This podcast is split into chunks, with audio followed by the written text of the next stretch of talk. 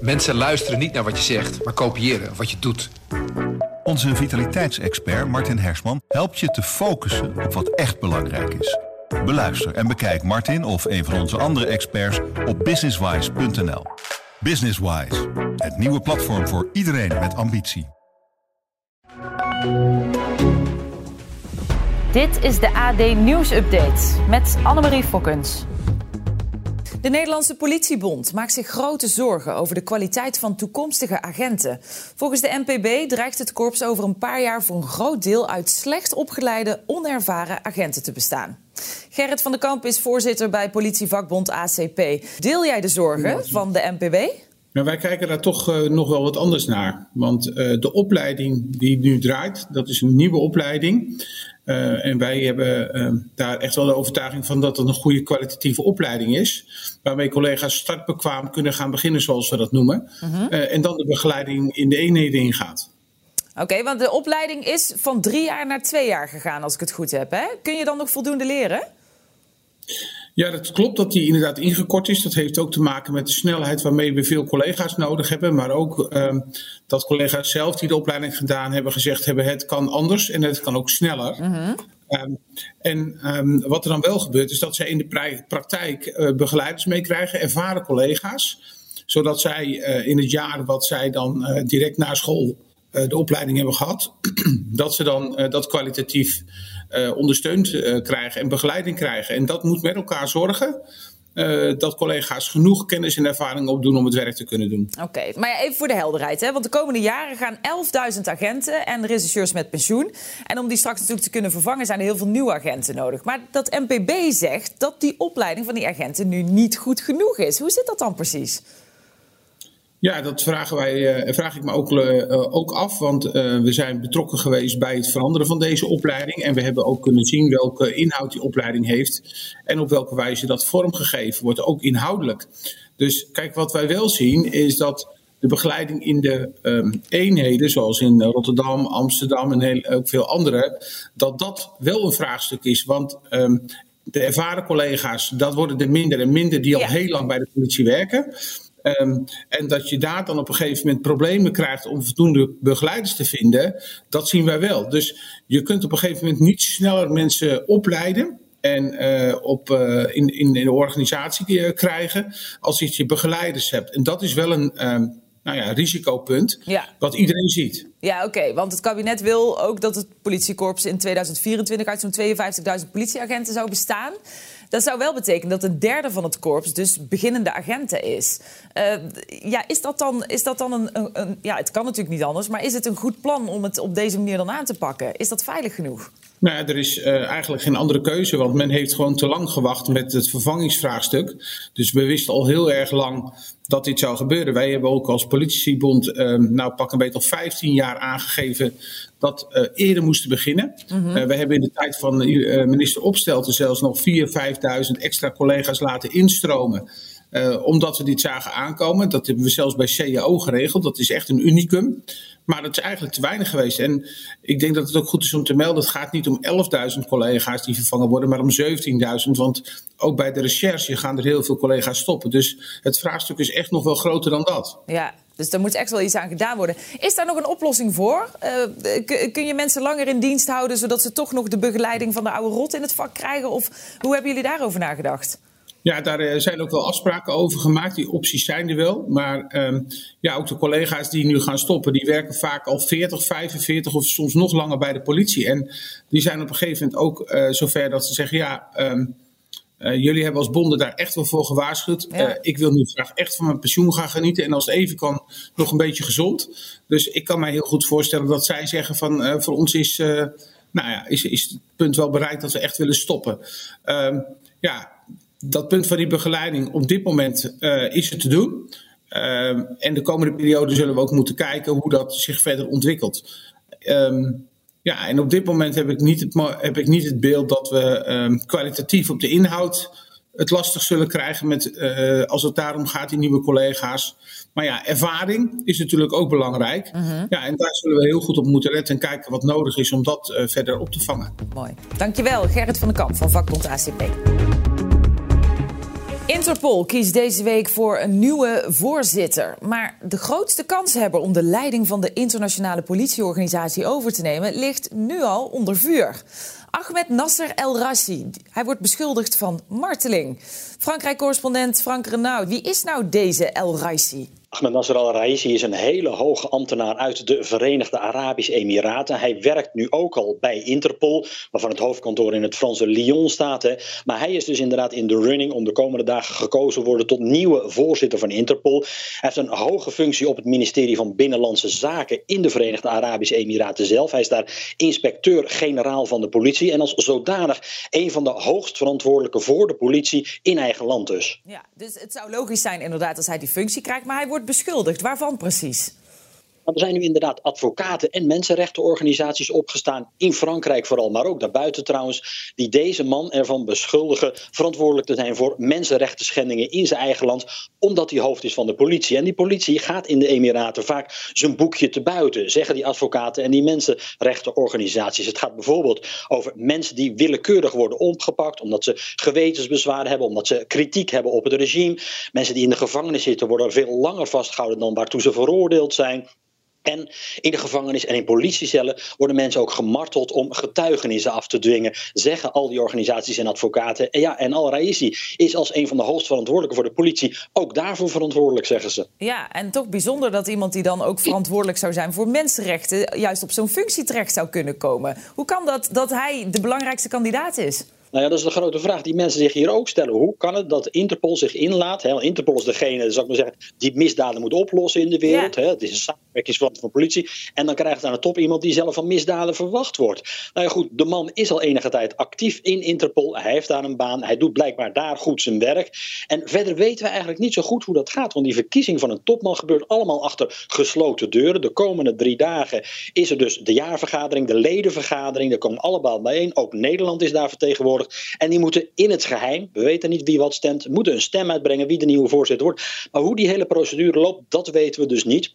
We weten wel dat deze man Al-Raisi de gedoodverfde winnaar is, want er is maar één tegenkandidaat, maar die is pas recent opgestaan en zou weinig kans hebben. Oké, dan nog eventjes dat speciale fondsje. Hè? Een, een, fonds van 50 miljoen euro, wat de Verenigde Arabische Emiraten zou hebben nou ja, gedoneerd aan Interpol. Is dat nog uh, überhaupt los te zien van die mogelijke benoeming?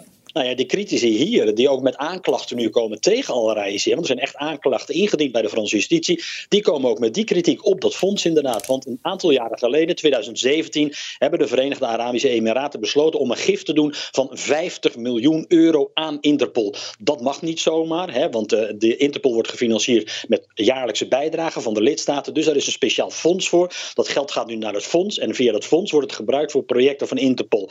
Ja, en critici hier zeggen, ik heb een advocaat geïnterviewd over. Die zegt dat is gewoon witwassen van geld. Maar het mag niet. Interpol mag dat geld helemaal niet gebruiken. Nou goed, juridisch zal dat nog wel uitgevochten moeten worden. Maar diezelfde critici zeggen ook: de Emiraten doen dat alleen maar om invloed te kopen bij Interpol, om hun eigen blazoen een beetje op te poetsen. En wie weet, zelfs zeggen de critici, om die kandidatuur van de Al-Raisi een steuntje in de rug te geven. Ja. Nou ja, het hoofdkantoor van de Interpol staat natuurlijk in het uh, Franse Lyon. Hè, en daar voeren die parlementariërs nu ook actie om die benoeming van El Raisi te voorkomen. Hoe groot, denk jij, is toch de kans dat er de komende dagen een andere voorzitter wordt gekozen dan hem? Nou ja, wat we nu merken is dat het een, een, een relletje tussen aanhalingstekens begint te worden. Omdat die advocaten, omdat die mensenrechtenorganisaties continu aan de bel aan het trekken zijn. Hè. De, ja, de vergadering van leden begint vandaag. Dus je merkt dat er nu meer aandacht voor is. Dat zou invloed kunnen hebben. Tegelijkertijd die stemming is, zoals ik zei, achter gesloten deuren, geheim, anoniem. We weten niet hoe het gebeurt. Dus we zullen achteraf ook niet kunnen controleren wie op wie heeft gestemd. Dankjewel, Frank Renaud vanuit Parijs. Bij de rellen die de afgelopen dagen in heel het land plaatsvonden, waren opvallend veel jonge jongens betrokken. Gisteravond was het nog raak in Roosendaal. Relschoppers staken er een bushokje in brand en er werd zwaar vuurwerk afgestoken. Erik Scherder is hoogleraar neuropsychologie. Is het te verklaren waarom het voornamelijk nou veel jonge jongens waren? Nou ja, kijk, het is natuurlijk zo dat uh, op die jonge leeftijd zie je eigenlijk een beetje een, uh, althans niet voor iedereen, maar voor een aantal wel, zie je een beetje een ongunstige combinatie. En die ongunstige combinatie betekent dat ze fysiek sterker worden. Ze zijn in de groei, maar ze worden ook echt lichamelijk sterker. Terwijl die cognitieve ontwikkeling eigenlijk niet daar uh, echt keurig in de pas meeloopt. Daar bedoel ik mee dat er veel impulsen zijn waar je eigenlijk controle op moet krijgen. Hè. Dus in de tijd van de verdere groei, denk even aan 25, 30 levensjaar, moet die controle op die impulsen er eigenlijk goed komen. Zolang dat nog niet zo is, heb je ja, een beetje toch een wat kwetsbare, wat ik dan noem een eigen referentie. En daar bedoel ik mee dat als je jong bent, je bent sterk en je hebt bepaalde ideeën van dat vind ik wel echt super spannend om te gaan doen, dat er een soort eigen referentie moet zijn waarin je denkt, nee, nee, dit kan ik absoluut niet maken, dit ga ik niet doen. Ja. Als die eigen referentie dus nog, als die controle op die impulsen, ik noem dat eigen referentie, als dat er nog niet is, dan heb je dus een externe referentie nodig. Denk aan je ouders. Ja. Die zorgen ervoor die er, hey, tot hier en niet verder. Dus ze kunnen heel lastig hun eigen grenzen bepalen. Maar het, bizarre is natuurlijk wel dat dat zich ook dan uit in enorm geweld. Dus hè, je kunt verbaal uh, sterker worden, maar waarom dan juist zeg maar fysiek? Nou, kijk, dat, dat is dus het punt. Dus als die eigen referentie nog niet voldoende aanwezig is, dan heb je dus eigenlijk externe referentie nodig, zoals je ouders. Maar als, die, als dat ook niet goed werkt, in een aantal gevallen is dat helaas zo, dan is er, blijft er maar één andere externe referentie over. En dat is, nou jongens, we gaan er tegenaan. Uh, doe mee. Ja. en dat wordt dan datgene wat jou zeg maar leidt. En dat zie je eigenlijk volgens mij ook heel erg bij de jonge kinderen die nou meedoen. Die jonge jongens die worden geleid door het feit dat er die, hu die huizencontrole misschien te weinig is. En dan is er opeens dat idee van rellen en trappen. Ja, je fysieke ontwikkeling is er helemaal klaar voor. Je impulsen zijn niet voldoende door controle. Uh, er is geen terugkomen van, vanuit de uh, zeg maar ouderlijke kant misschien te weinig om te zeggen blijf thuis en je bemoeit er niet mee. Ja, dan is er een andere referentie en dat is de referentie doe lekker mee joh. Ja, doe lekker mee joh. En dan zie je, uh, ja, het is op zich niet heel lastig om te snappen dat die kinderen dan daarin meedoen. Het is nee. natuurlijk ongelooflijk ongewenst, maar goed. Zeker, ja, dat, dat vooral inderdaad. Maar als je nou kijkt hè, naar alle beperkingen die we natuurlijk ook hebben uh, en hebben gehad vanwege die coronacrisis, is dat nog uh, een, een, een bepaalde mate waardoor dat gedrag nog extra beïnvloedt of extra tot uiting komt? Nou ja, kijk, het is natuurlijk zo dat wat, wat we allemaal heel nodig hebben is externe stimuli. Je wil gewoon weten, ik leef. En je weet uit dat je leeft als je veel prikkels ook om je heen hebt. Als die prikkels dus, zoals de afgelopen periode, ja, gedwongen, inderdaad noodzakelijk ook wegvallen. En dan komt daarvoor in de plaats dit soort prikkels. En de controle op je impuls is niet echt in orde huppakee, dan ga je natuurlijk toch op die prikkels af. Dus het een zal heus wel verband houden met het ander. Uh, maar ja, daarmee heb je het uiteraard niet uh, zeg maar gerechtvaardigd, even verre van. -hmm. Maar je kunt je wel voorstellen dat als je bij spreken normaal ga je zondag misschien naar je voetbalwedstrijden. Pijn, ging je daar schreeuwen aan de kant. Nou, dat is er dus nu niet even. Dus komt dit er misschien wel voor in de plaats. En de jonge mensen die denken dan, nou, dat wordt mijn externe referentie. Ja, ik ga lekker meedoen. Ja. Dat is wat ik naar kijk. Maar, want, en, en als laatste dan, want waarom zijn het vooral nou zeg maar mannen en jongens en niet, of in veel mindere mate, vrouwen en meisjes? Ja, die, kijk, in die ontwikkeling, in die cognitieve ontwikkeling, als je denkt aan die controle houden over je impulsen, lopen de meisjes echt voor op de jongens. Uh, dus ik denk dat dat zeker een reden is uh, dat, dat, dat je dit ziet ook en dit waarneemt. Wat misschien nog wel interessant is ook, is om uh, te kijken naar verleden jaar. Mm -hmm. Toen meen ik dat gemeentes al ook in deze periode heel veel gingen doen aan zelf evenementen ontwikkelen. Om de jongelui, zeg maar, te enthousiasmeren voor ja. Leuke dingen, maar dan hè, uh, die geoorloofd zijn. Dus ja, misschien is dit ook wel weer een. en de gemeenten doen natuurlijk ook ontzettend hun best en hebben een handen vol. Maar misschien moet daar wel weer de aandacht naartoe gaan. Het organiseren van fijne dingen waar ze ook hun ei kwijt kunnen. Ja, nou ja, dus eigenlijk indirect ook een oproep aan de ouders om ze weer even de grenzen uh, te geven. Ja. Goed, laten we hopen dat het hierbij blijft. Bedankt, Erik Scherder.